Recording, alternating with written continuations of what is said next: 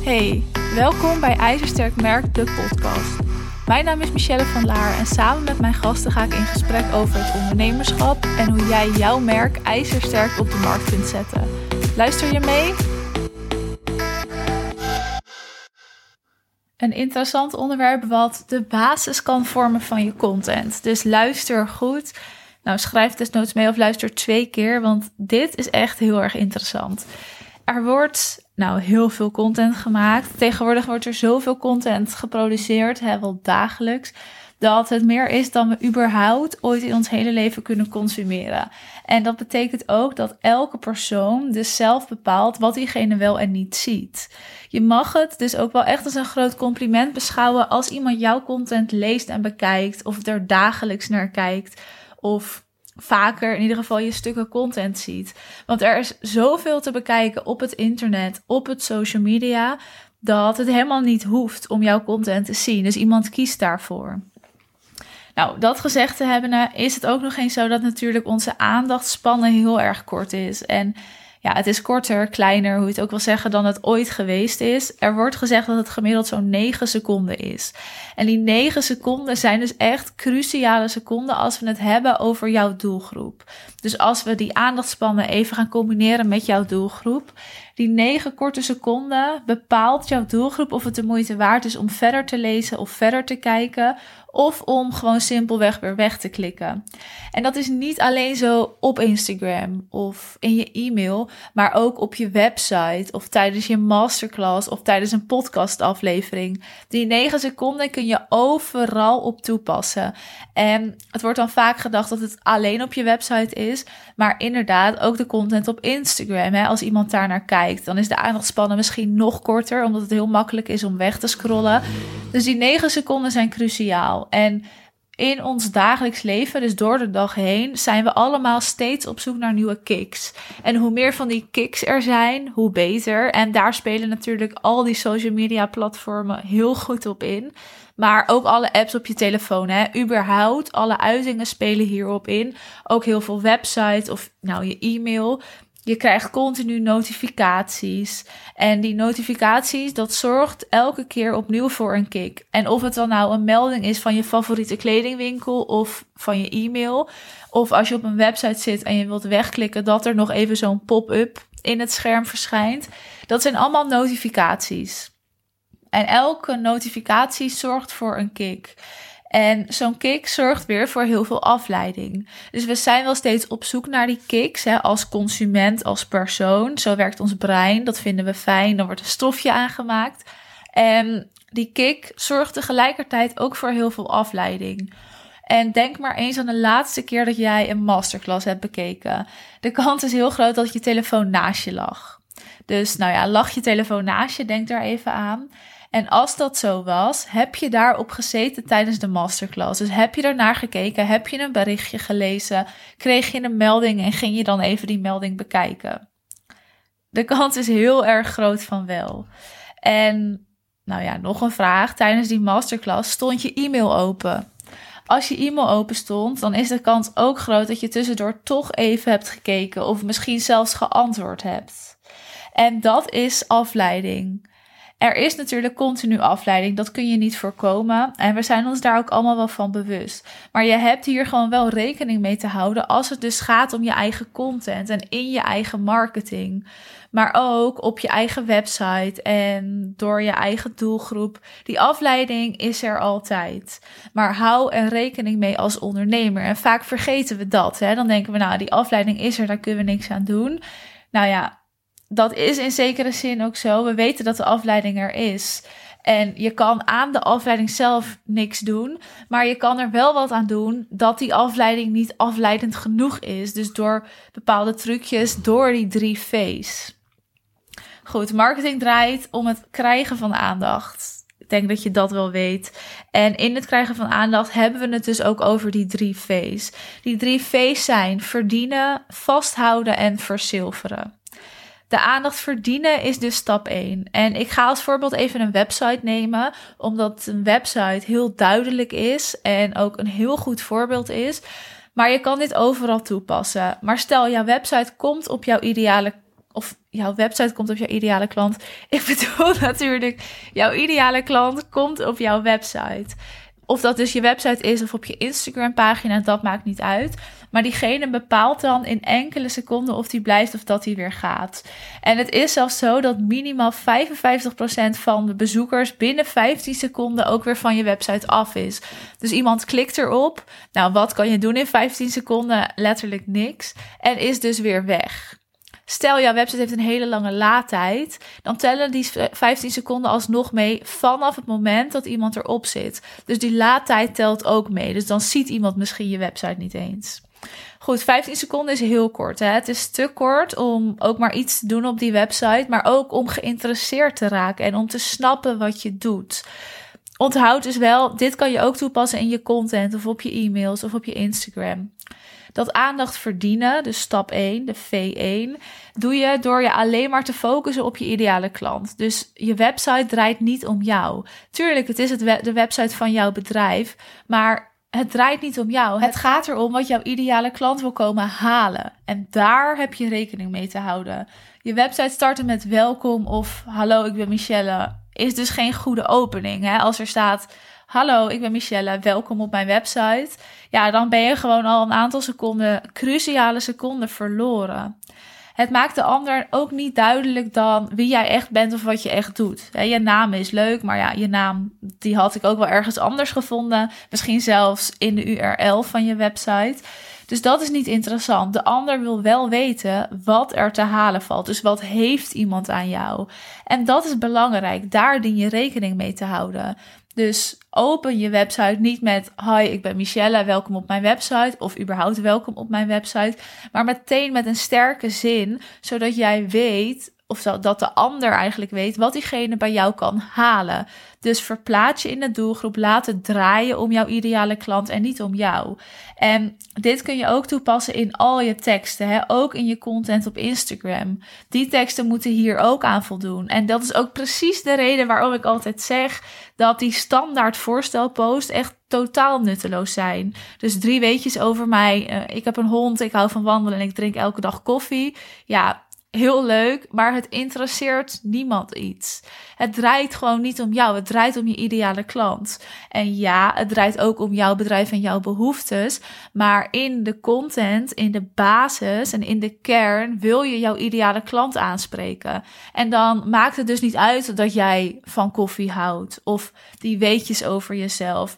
Ik zag laatst wel een post. Zij vertelde twee dingen of drie dingen waar ze van hield, wat ze leuk vond. En daar koppelde ze dus iets aan in haar bedrijf. Dus waarom en waar dat dan mee te maken heeft, eigenlijk de achterliggende gedachte. En dat is dus wel heel interessant, want dan vertelt zij iets over zichzelf. En dat koppelde ze zo terug aan wat daar dus, ja, wat het daarmee te maken heeft. En waarom dat in het ondernemerschap bijvoorbeeld belangrijk is of in haar vakgebied. En dat triggerde wel. Dat is wel interessant. Maar alleen die weetjes en voorstelposts mag je echt weglaten. Het is eigenlijk ook letterlijk een verspilde kans hè, om van je volger of bezoeker een klant te maken. Dus knoop dat in je oren.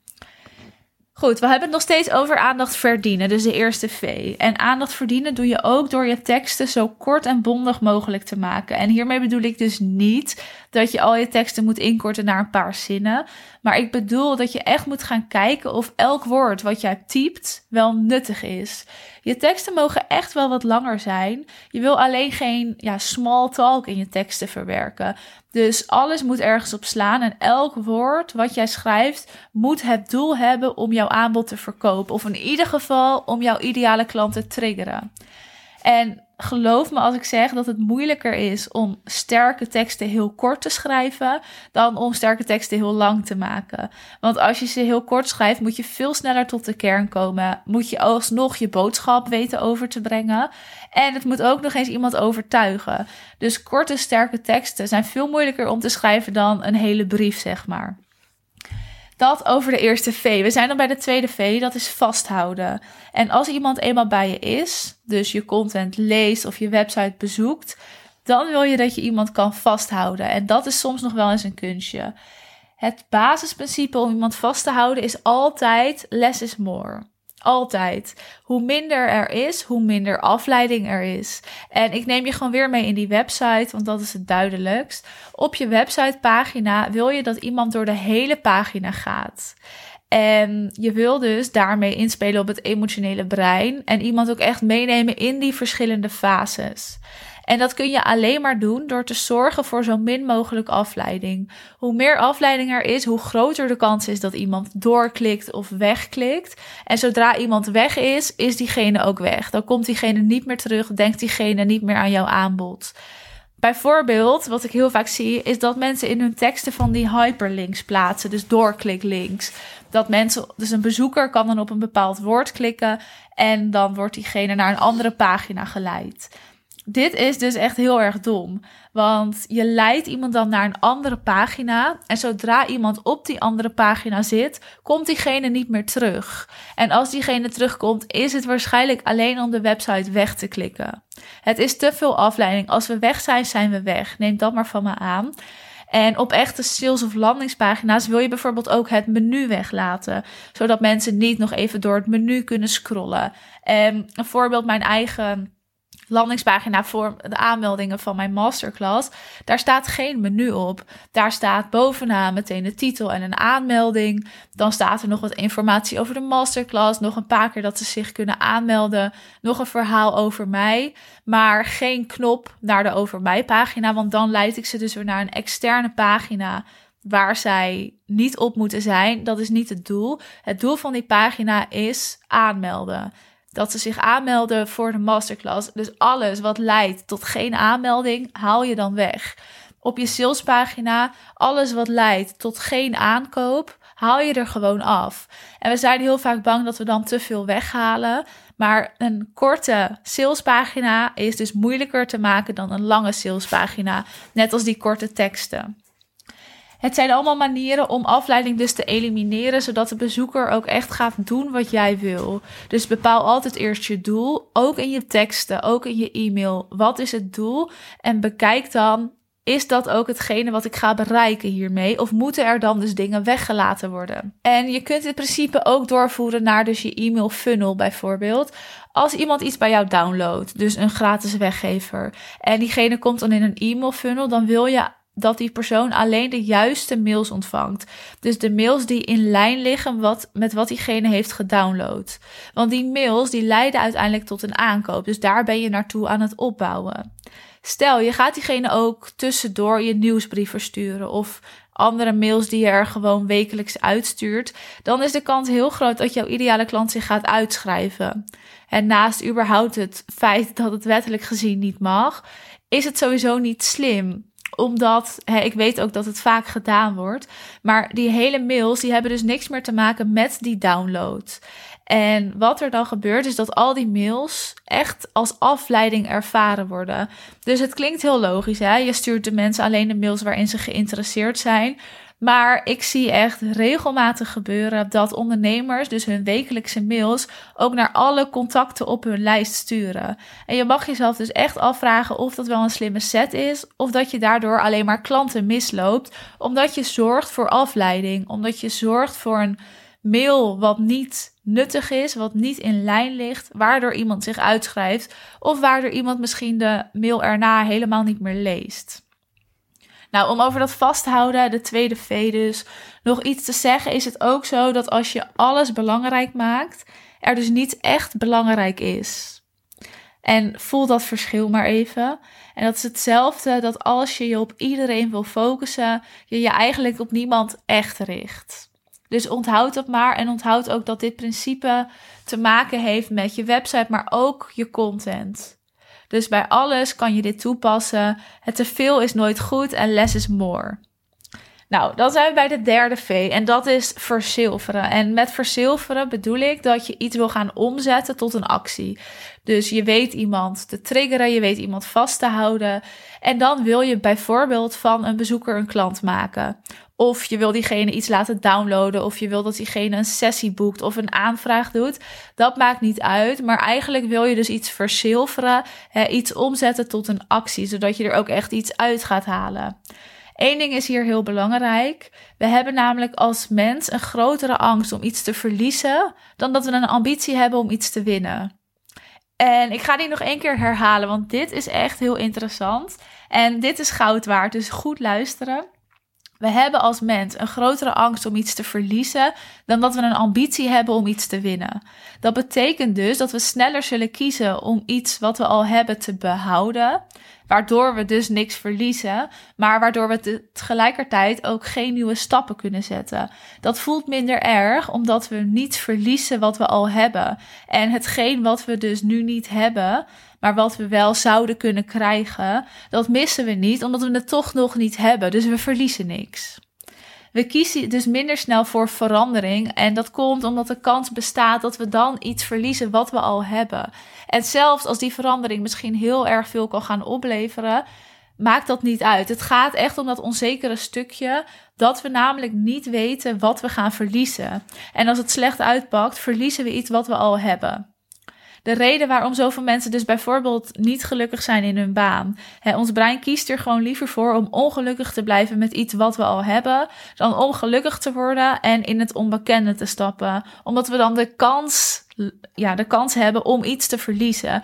Dus ik wil die eerste zin nog één ding herhalen. We hebben als mens een grotere angst om iets te verliezen dan dat we een ambitie hebben om iets te winnen. En je kan hier dus op inspelen met al je content, hè, met alles wat je doet. En die angst om iets te verliezen geldt ook voor jouw ideale klant. Die grotere angst in ieder geval om iets te verliezen. Dus kort samengevat kun je het ook wel keuzestress noemen. Maar dan wel iets anders dan je misschien gewend bent van keuzestress. Als jouw ideale klant niet weet of twijfelt over wat de beste keuze is, dan komt die keuzestress dus naar boven. En iemand maakt dan uiteindelijk geen keuze, omdat er een bepaalde angst is om de verkeerde keuze te maken. En als je die verkeerde keuze maakt, dan bestaat er de kans dat iemand iets gaat verliezen wat hij al heeft. Als je vaak van je ideale klant te horen krijgt dat ze er nog even over moeten nadenken, dan is de kans dus groot dat jij hier niet goed genoeg op inspeelt. Of dat jij in ieder geval niet de juiste punten aanraakt, waardoor iemand dit gevoel krijgt. Gelukkig kan jij dit wel zelf veranderen hè, in je marketing en je content. En je doet dit door iets in je taal te veranderen. Ik ga je een voorbeeld geven en luister goed, want nogmaals, dit is goud waard. Deze skill en dit weten en dit ook weten toe te passen, dat is natuurlijk de belangrijkste stap, is echt goud waard. Ik kan mijn masterclass op twee manieren promoten: in verliestaal en in winstaal.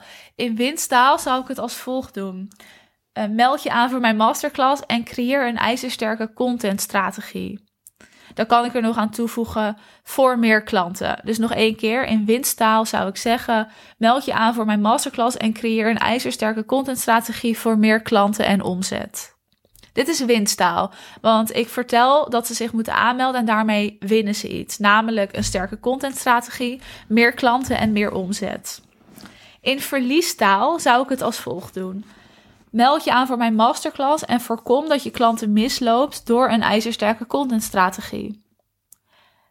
Wat hier dus verliestaal aan is, is omdat ik zeg, nou meld je aan voor mijn masterclass en dan zeg ik wat ze kunnen mislopen, dus wat ze kunnen verliezen als ze zich niet aanmelden verlies weegt zwaarder dan winst. Dus door in verliestaal te praten, zul je jouw ideale klant veel meer gaan triggeren.